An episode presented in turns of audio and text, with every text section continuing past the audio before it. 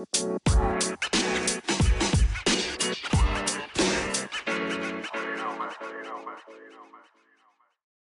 hey, super tof dat je luistert naar een nieuwe aflevering van de Positief met Pubers podcast. Mijn naam is Janneke en dagelijks beantwoord ik allerlei vragen via mail en DM van ouders die struggelen met dingen in de opvoeding van hun puber. Ik beantwoord deze vragen en in de podcast behandel ik elke aflevering een vraag met jou.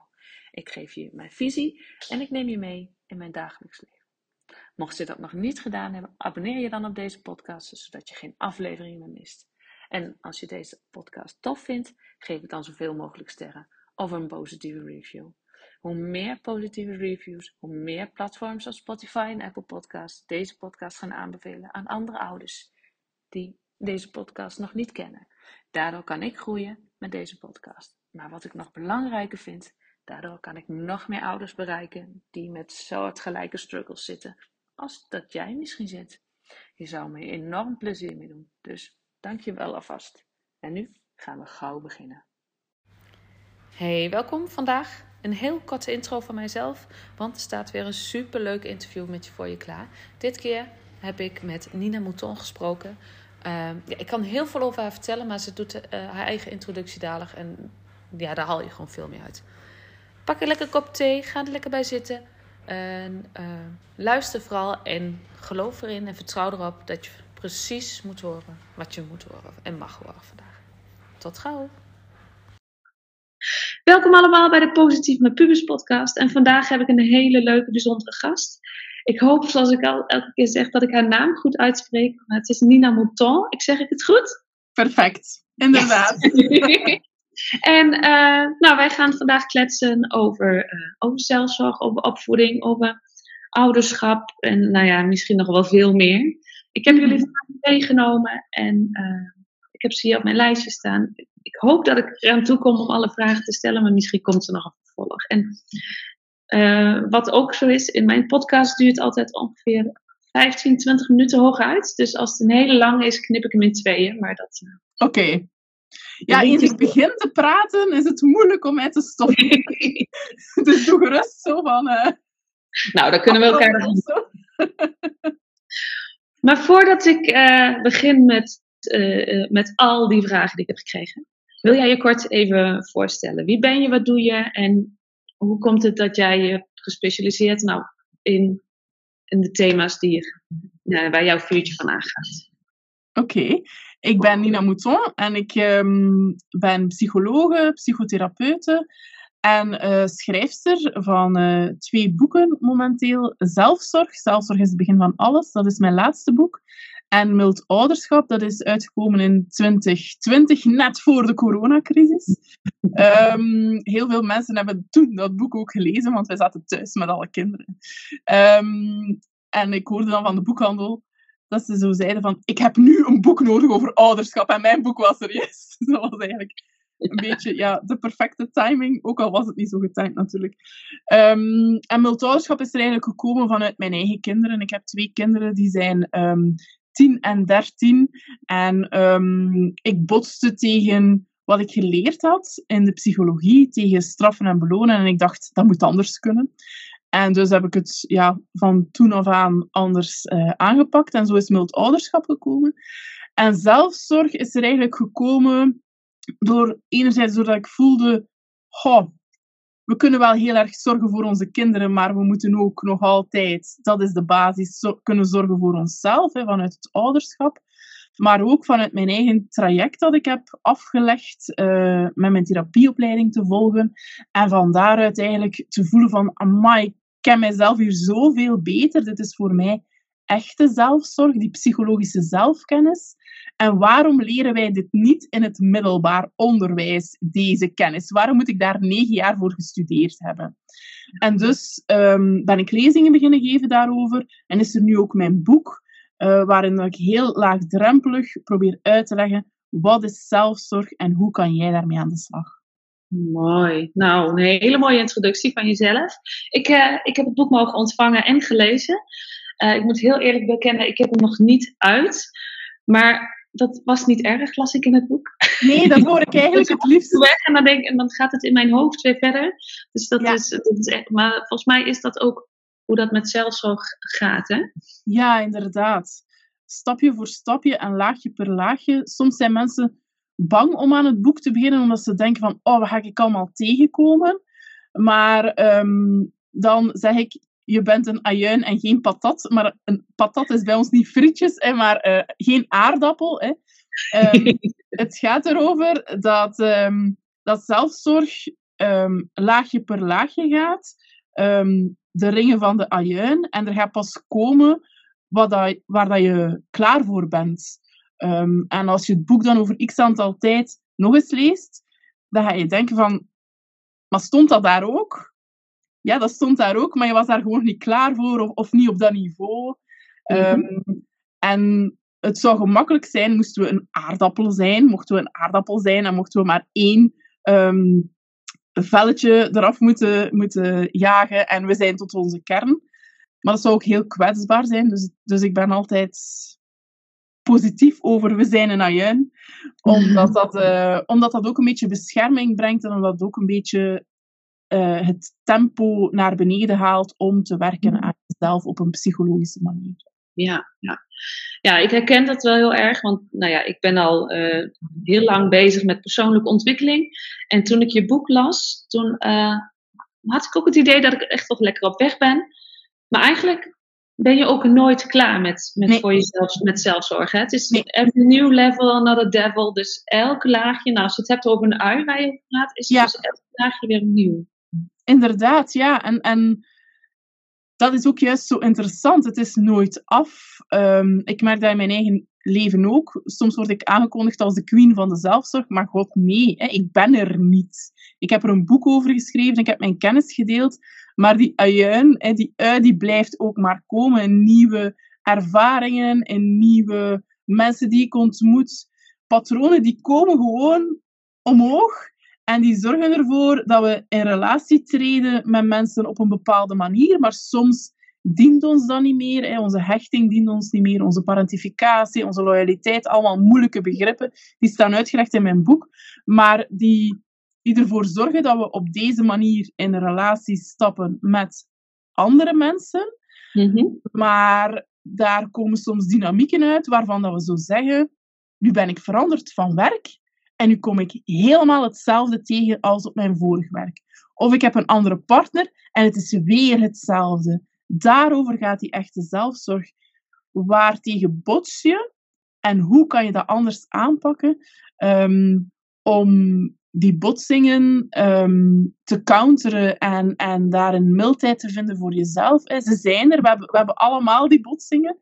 Uh, maar hoe kan het werkbaarder? En die, die kwetsuren en die patronen, die zijn heel vaak zo onbewust. En dat is, dat is jammer. Daarom dat ik heel graag taal geef aan de mensen. Om te zeggen van, kijk, wat kan er allemaal gebeurd zijn? Welke taal kan je allemaal mislopen hebben? En uh, kijk welke kapstok, welke taal er past in jouw kleerkast. Mhm. En soms gaat dat dan over hechting en soms zeggen mensen, oh nee, dat, dat past nu niet of nog niet, dus dat ga ik nu niet in mijn kleerkast. En daar hang ik nog geen kleren aan en dat, dat ga ik niet beginnen herschikken. En dat is allemaal oké. Ja. En dat is ook heel verschillend, hè? Want, want weet je, iedereen zit op een ander niveau in zijn leven. En, maar, wat maakt dan dat, dat zelfzorg daarin zo belangrijk is? Want het is een, een item wat nu heel veel in media ook genoemd wordt, op social media. Maar, maar waarom is het belangrijk? Ik denk dat wij een generatie zijn die beseffen, wow, de generaties voor ons hebben geen psychologisch werk of weinig psychologisch werk kunnen verzetten. Dat was gewoon niet aan de orde. Um, en wij voelen dat onze kinderen van alles voelen. En wij voelen dat onze kinderen, ehm, ook al heb je geen eigen kinderen, maar dat, dat zij wel dingen signaleren van oh, dit werkt niet meer voor mij, dit lukt niet meer. Um, of oh, deze manier van opvoeden. En dan heb ik het over mijn eigen zoon, die zei van, maar mama, als jij mij straft, zo heeft hij dat niet gezegd, maar zo heb ik het wel geïnterpreteerd op zijn twee jaar, als jij mij in de hoek zet, dat werkt niet hoor. En dat werkt ook eigenlijk niet voor jou. We gaan iets anders moeten doen. Probeer iets anders, probeer een andere weg. Hè. En ik denk dat we, dat we van daaruit, we hebben en ons eigen signaleren van al die burn-outs die er nu zijn, eh, en die depressies en, en, en alles wat nu naar boven komt. En een generatie onder ons die zegt, we gaan het anders moeten aanpakken. En van daaruit komt er veel motivatie om te kijken naar onszelf en, en naar, onze eigen psychologie. En daar kan ik alleen maar dankbaar om zijn, omdat elk werk, alles wat jij verzet in die patronen, dat moet de generatie onder jou niet meer doen. En dan kunnen zij weer aan, aan iets anders werken. Dus je werkt eigenlijk, ook al heb je geen eigen kinderen, voor jouw generatie, want zelfzorg spreidt zich uit als een olievlek eigenlijk, en voor de generatie zonder jou. Dank. Klopt het dan ook, als ik het goed heb begrepen, dat, dat je daarin in jouw uh, patronen die je hebt, dat je de patronen van je ouders en misschien wel je grootouders eigenlijk ook in meeneemt? Ja, zeker, zeker. Dat wordt intergenerationeel overgedragen, zeggen we dan. En als onze generatie niet zegt stop, hier stopt het, hier ga ik mee aan de slag, dan geven we het gewoon door aan de volgende generatie. En die volgende generatie is vaak een motivator om het toch anders te proberen doen. En dat is het mooiste, denk ik, dat we ook, of een van de mooiste zaken die we aan onze kinderen kunnen meegeven. Ik weet het soms ook niet. Ik ben ook aan het zoeken en ik ben mij daarin aan het laten begeleiden. In een boek, in een persoonlijk traject, in een online traject. Maar zo die ondersteuning en die gedragenheid, we moddelen dat. Hè? We, we, we tonen dat door niet alleen te zeggen, ja, zorg maar goed voor jezelf. En wees niet zo streng voor jezelf. En het moet allemaal niet zo perfect. Dat is belangrijk dat je dat zegt, maar je moet het ook tonen aan je, aan je kinderen. En zo geven we het eigenlijk door. En zo zijn we eigenlijk een buffer aan het creëren voor um, taboes die er nog altijd zijn of op mentale gezondheid. Ja, want je hebt het over je kwetsbaar durven opstellen als ik, als ik dat in, ook in mijn werk, maar ook in gesprekken met ouders, dat is toch wel een dingetje. Dus, dus het aangeven dat je, dat je het even niet meer weet. Of mhm. dat, je, dat je ergens bang voor bent, dat je je zorg merkt, dat je fout zit. Dat heeft vaak een negatieve bijsmaak. Wat vind je daarvan? Ja, en ik begrijp dat, hè, want we zijn vaak ook grootgebracht door mensen die het gewoon allemaal moesten weten. Hè. Een leerkracht mocht je niet tegenspreken of mocht je niet de kritische vragen stellen. Ehm, dit was de kennis die moest doorgegeven worden. En ehm, het kritische kind in de klas was dan ook ineens een, een moeilijk kind. Maar ook zo naar onze ouders. Ik dacht persoonlijk dat mijn ouders alles wisten en alles voor elkaar hadden. En nooit emoties voelden. Gewoon altijd maar neutraal waren of zo. Hè. Ehm, mhm. dat is het voorbeeld dat ik heb gekregen. En dat, dat werkt natuurlijk niet zo. Nu ben ik zelf volwassen, nu ben ik zelf mama. En gelukkig voel ik heel veel emoties. En gelukkig heb ik ook um, contact met wat ik nodig heb, met mijn behoeften. En gelukkig voel ik mijn lichaam die signaleert: het is te veel of het gaat niet meer. Ik denk dat de generaties voor ons en de oorlogsgeneratie die onze ouders dan heeft grootgebracht, heel erg niet heeft mogen voelen. En nu is dat de kentering. En die kwetsbaarheid wordt inderdaad vaak gezien als, ah, maar dan stelt je zwak op als, als ouder. Wat dat voor mij, voor mij gaat het niet om macht in ouderschap, maar wel om, ik heb een verantwoordelijkheid over jou tot jouw achttiende. En ik wil jou begeleiden in de persoon die dat jij al bent in je kern. En ik denk dat we van daaruit krachtige kinderen kunnen uh, grootbrengen. En dan bedoel ik niet kinderen die niet in hun gevoel staan, kinderen die hun behoeften inbunkeren, kinderen die um, opgeblazen door het leven gaan en het, het allemaal maar aankunnen, maar kinderen die in, in hun kwetsbaarheid staan en, en in hun eigen kracht staan en niet in de verwachtingen van en, en zich de hele tijd moeten conformeren, maar wel kunnen veerkrachtig meegaan met dit wordt van mij verwacht, dit zijn mijn grenzen, ik voel mijn grenzen aan, uh, ik voel dat dit een toxische werksituatie is en ik ben hier weg. Hè. Ja. Uh, dat gaat niet over mijn kind kan dat niet aan. Nee, ik heb geleerd aan mijn kind, dit is een toxische situatie. Ga daarvan weg, want je gaat je gewoon volledig leeg, leeggeven. Ja. Um, ja, dat zijn dingen die, die ik heel belangrijk vind. En die ook vanuit een kwetsbaarheid vertrekken. En ik denk dat we daar al een hele mooie beweging in maken, maar dat het soms op, op werksituaties gewoon niet aan de orde is, kwetsbaarheid. Hè? Nee, dan is het weer alsof je dan in een andere rol stapt, ook als ouder. Ja. Oké, uh, ja, vanuit schaamte misschien, vanuit onzekerheid misschien. Ja. Want is er een relatie tussen, want ik zei net even onzeker, is er, zit er een relatie tussen goed voor jezelf zorgen en zelfvertrouwen voor jou? Uh, soms wel, ja. Um, als je goed weet en goed kan voelen um, wie je bent en wat, waar je voor staat. En als je daar helemaal oké mee bent, hè, met, met jouw kwetsbaarheden, met um, jouw moeilijkheden, met jouw kwetsuren. Je bent gewoon wie dat je bent. Um, mm. En dat is, dat is waar je mee verder moet. Hè. De vorige generaties hebben heel veel proberen uh, negeren. Nee, het is niet zo. Nee, als ik, als ik er niet naar kijk, dan bestaat het niet. Hè. Uh, en ik denk door, door er juist naar te kijken um, en het proberen mild zijn voor jezelf, dat je van daaruit juist die betrouwbaarheid naar jezelf krijgt en dat zelfvertrouwen ook weer opbouwt. Ik denk dat dat niet een kwestie is van een paar maanden, maar dat dat ook weer iets is wat je uh, opbouwt. En het is niet omdat je een groter zelfvertrouwen opbouwt vanuit een grotere zelfkennis, dat je niet baaldagen hebt. En dat je niet denkt, ik kan niets. En dat dat, dat zelfvertrouwen weer, weer zakt. Um, dus het is een, een fluctuerende beweging, een op- en neerbeweging, die, um, die er mag zijn. Ja. ja, en dat is denk ik met alles. Het is oké dat, ja. dat je niet perfect bent, zeg maar. Ja, ja, zeker, zeker.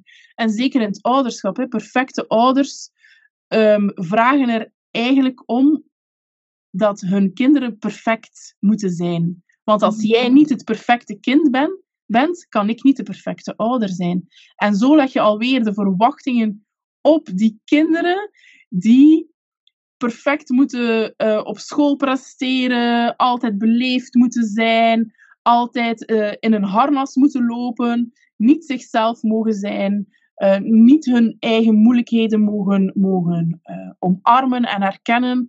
En vooral um, aan de verwachtingen van, van iemand anders moeten voldoen. En dan zitten we in parentificatie, en dan zitten we in patronen doorgeven, en dan zitten we in um, zaken verwachten van kinderen die eigenlijk niet leeftijdsadequaat zijn, die, die niet oké zijn, en waarin dat we niet naast onze kinderen staan, maar ze proberen uh, te doen groeien door eraan te trekken. En ik zeg altijd, als je trekt aan een uh, grasprietje om het rapper te doen groeien, dan doe je ook niet, want dat breekt. En zo gaat het ook met onze kinderen op een bepaald moment, als de stress te hoog is en ze hebben geen veerkracht uh, geleerd, ja, dan gaan ze breken. En dat, dat merken we nu in de burn-out generatie. Ja. Dat, is, dat is ook gecumuleerde um, moeheid en energieverlies en gecumuleerde patronen. Hè. Wij, wij komen in de burn-out omdat de generaties voor ons het werk niet hebben kunnen verzetten. Hè. Ja. Um, ik wil daar ook met mildheid naar kijken, want de tijdsgeest was er ook niet naar toen.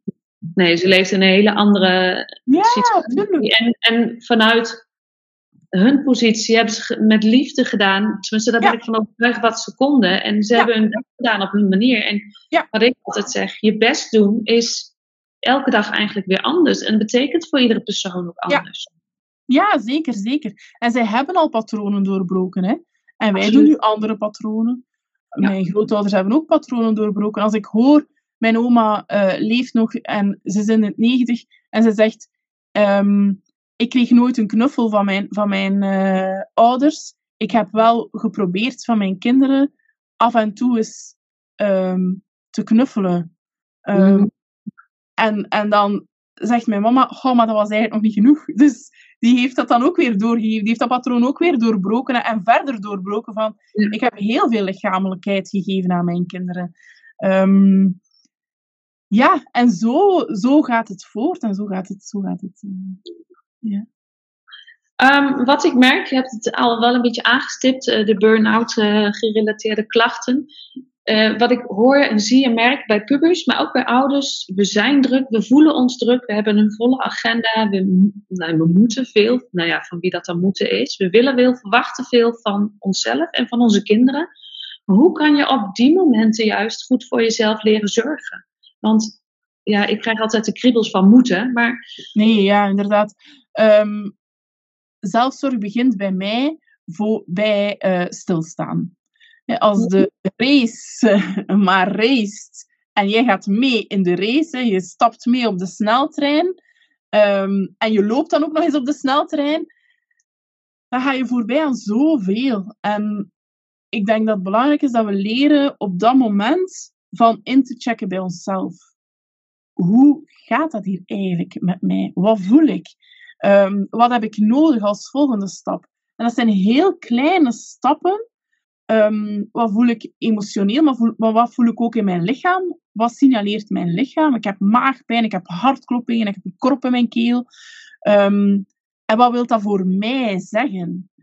En dan denk ik dat het interessant is om gewoon een lijst ook af te printen met allemaal emoties die er kunnen zijn, want we hebben heel vaak daar ook de taal niet voor welke behoeften kunnen er zijn? Um, en, en, en wat kan ik nodig hebben? Heel vaak hebben we drie behoeften en, en, en daar, en daar uh, ik heb honger, dorst of ik moet slapen. Maar er zijn er nog zoveel meer. Ja, hè? die taal is ook zo belangrijk. Um, en dat kan je nuanceren en dan kan je beginnen kijken, wat kan ik mezelf geven? Wat kan iemand anders mij geven? Hoe kan ik dat vragen op een geweldloze manier? En hoe kan ik ook omgaan met die nee die er kan komen. Hè.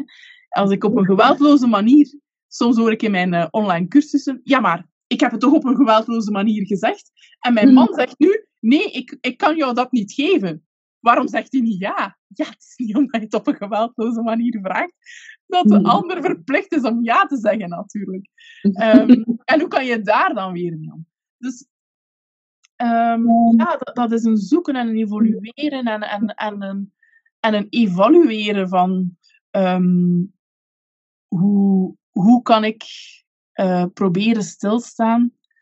En wat ik geleerd heb van de holistic psychologist, dat is stel jezelf een kleine belofte elke dag om zo betrouwbaar te worden voor jezelf.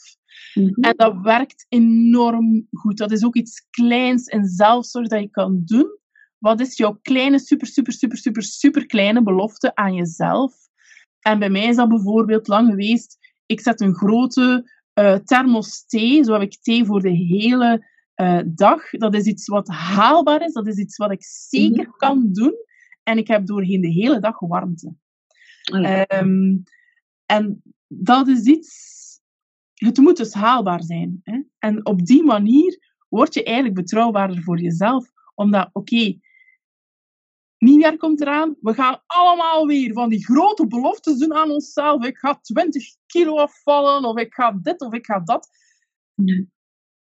Week drie, en, die, en, en, en meer dan de helft van de mensen is al gestopt met zijn goede voornemens. Hè? Dus die kleine beloftes, die mildheid daarin, kan ook enorm helpen. Ook voor tieners. Hè? Wat ga jij ja. doen voor jouzelf? Wat is er haalbaar? Wat kan je doen en doe maar iets superklein. En ik zeg vaak, oké, okay, dat is al klein, maar nog kleiner. Ja. Ja, mooi.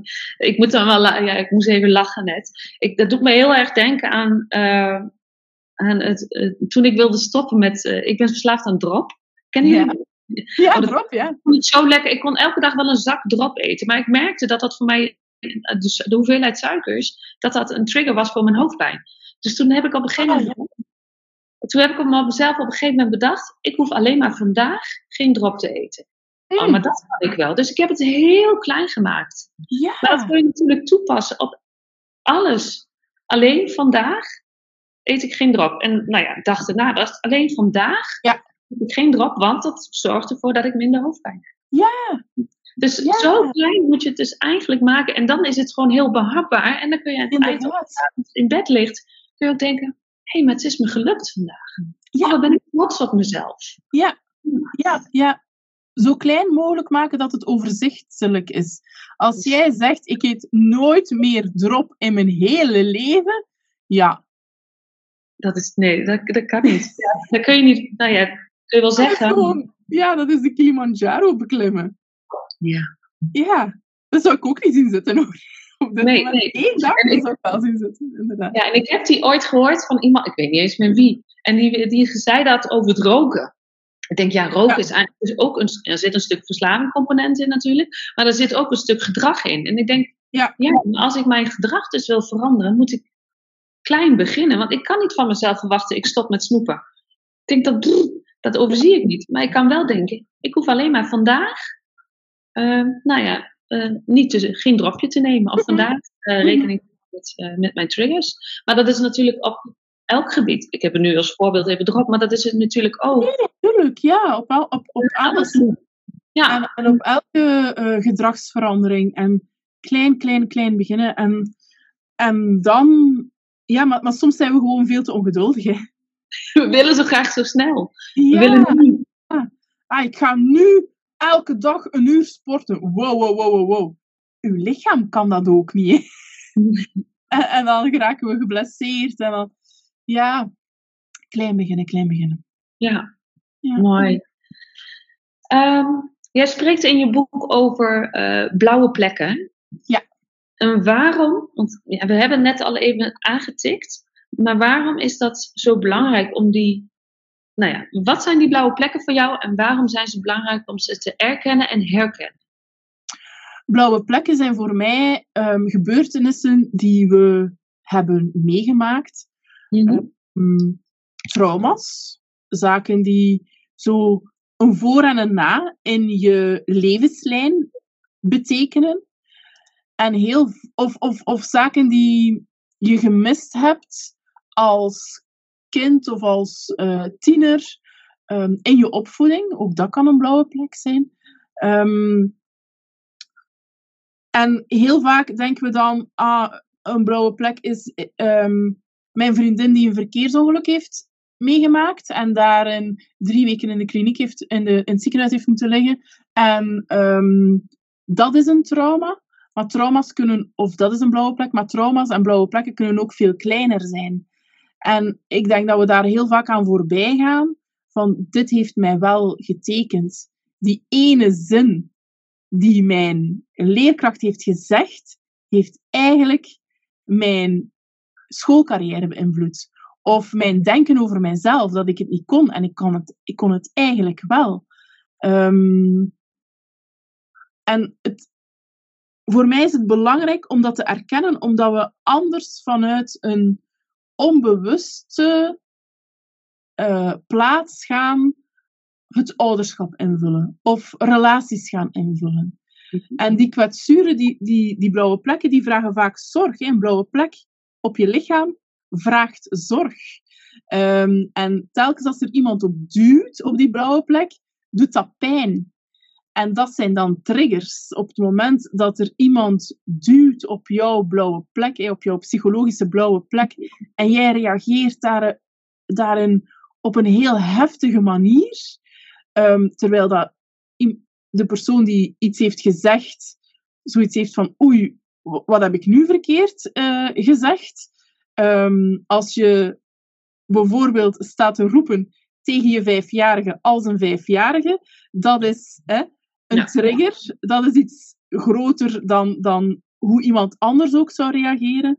Dat zijn die blauwe plekken die worden in- ingedrukt. En dat, is, dat, is, dat ligt nooit aan onze kinderen. Want het is dan gemakkelijk om te projecteren op, oh, jij, jij Mhm. maakt mij boos. Nee, nee, ik word boos hierdoor. En waardoor komt dat? Wat ligt er daaronder?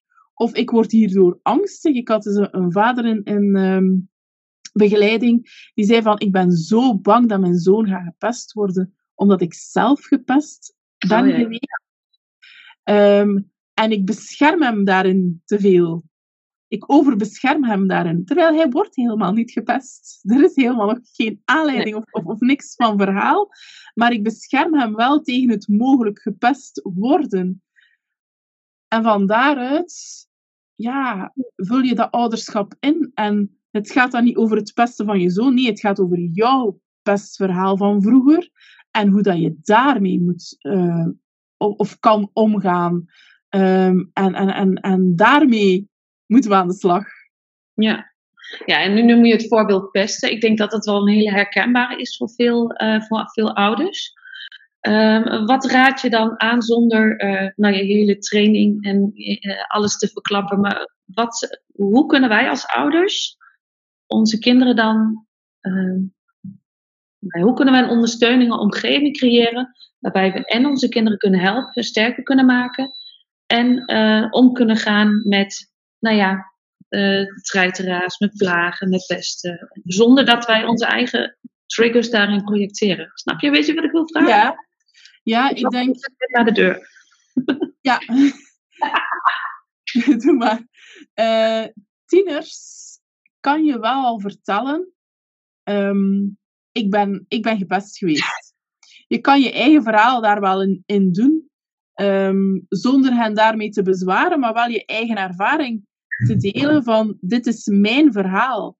En jij hoeft dat verhaal niet over te nemen. Maar ik voel wel, doordat jij nu dezelfde leeftijd hebt als ik, dat dat naar boven komt bij mij. En ik, ik ga daarvoor zorgen.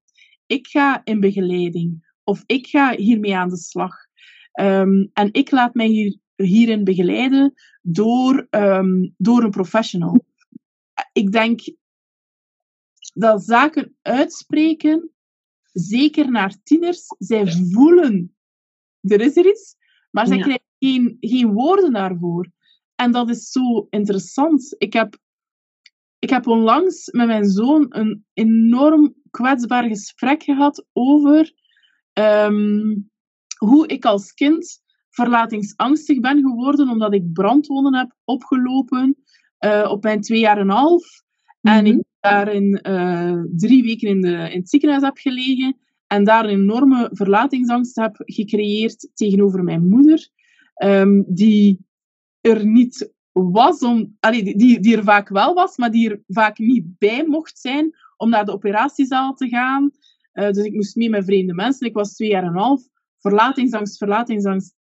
En ik heb hem dat verhaal gedaan en gezegd van, dit is mijn angst. En um, um, als jij voelt dat jij die angst meekrijgt, dan mag je mij die teruggeven. Want het is mijn angst en ik moet daarmee aan de slag. Jij moet daar voor mij niet mee, mee aan de slag. We kunnen het er wel over hebben.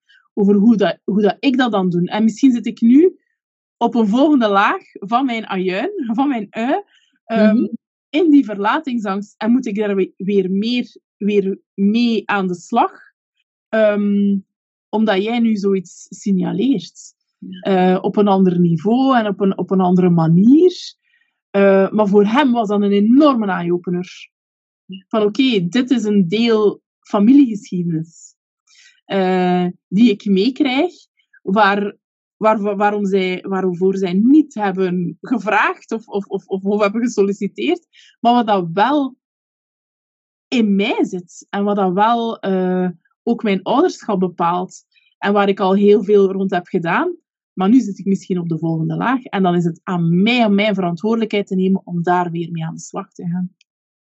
En jij bent hier dan al heel lang mee bezig, maar wat wil je ouders dan meegeven die uh, nou ja, in het verleden nog niet zoveel aandacht hebben besteed aan hun eigen ontwikkeling, uh, uh, dat niet met me meegekregen, dat niet kennen?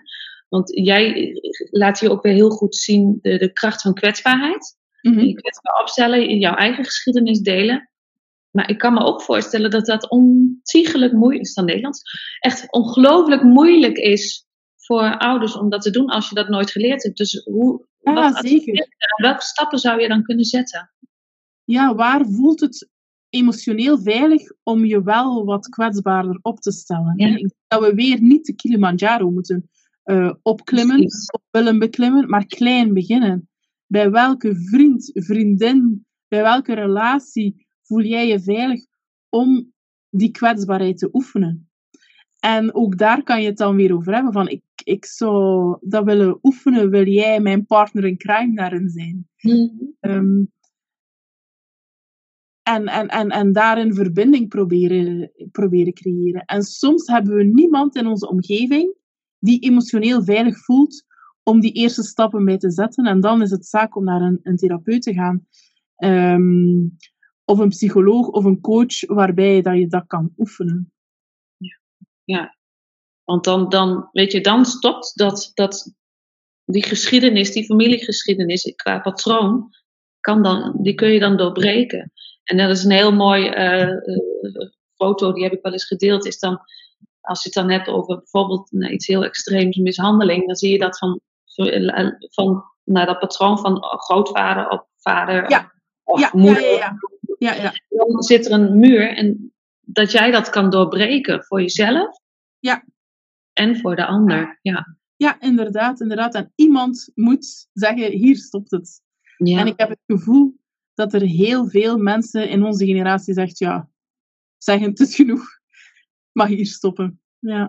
En anders wordt het wel door onze kinderen aangegeven. Die, die, nou ja, die houden ons gewoon constant een spiegel voor. En Ja, het zeker. lijkt al, alsof ze precies weten wat ze moeten zeggen of doen om ons te triggeren.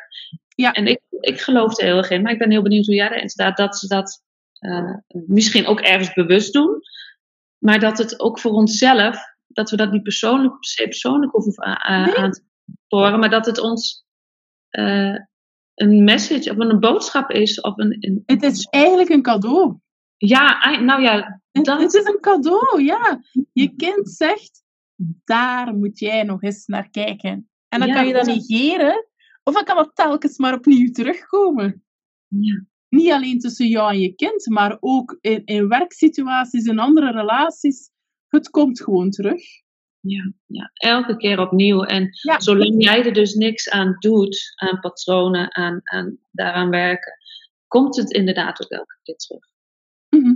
En dan, dan zit, loop je een soort van rotonde waar je niet uitkomt. Zolang jij die stap niet zet, dan blijft het constant oppoppen in je leven. Ja, Ja, mooi. Ja, inderdaad.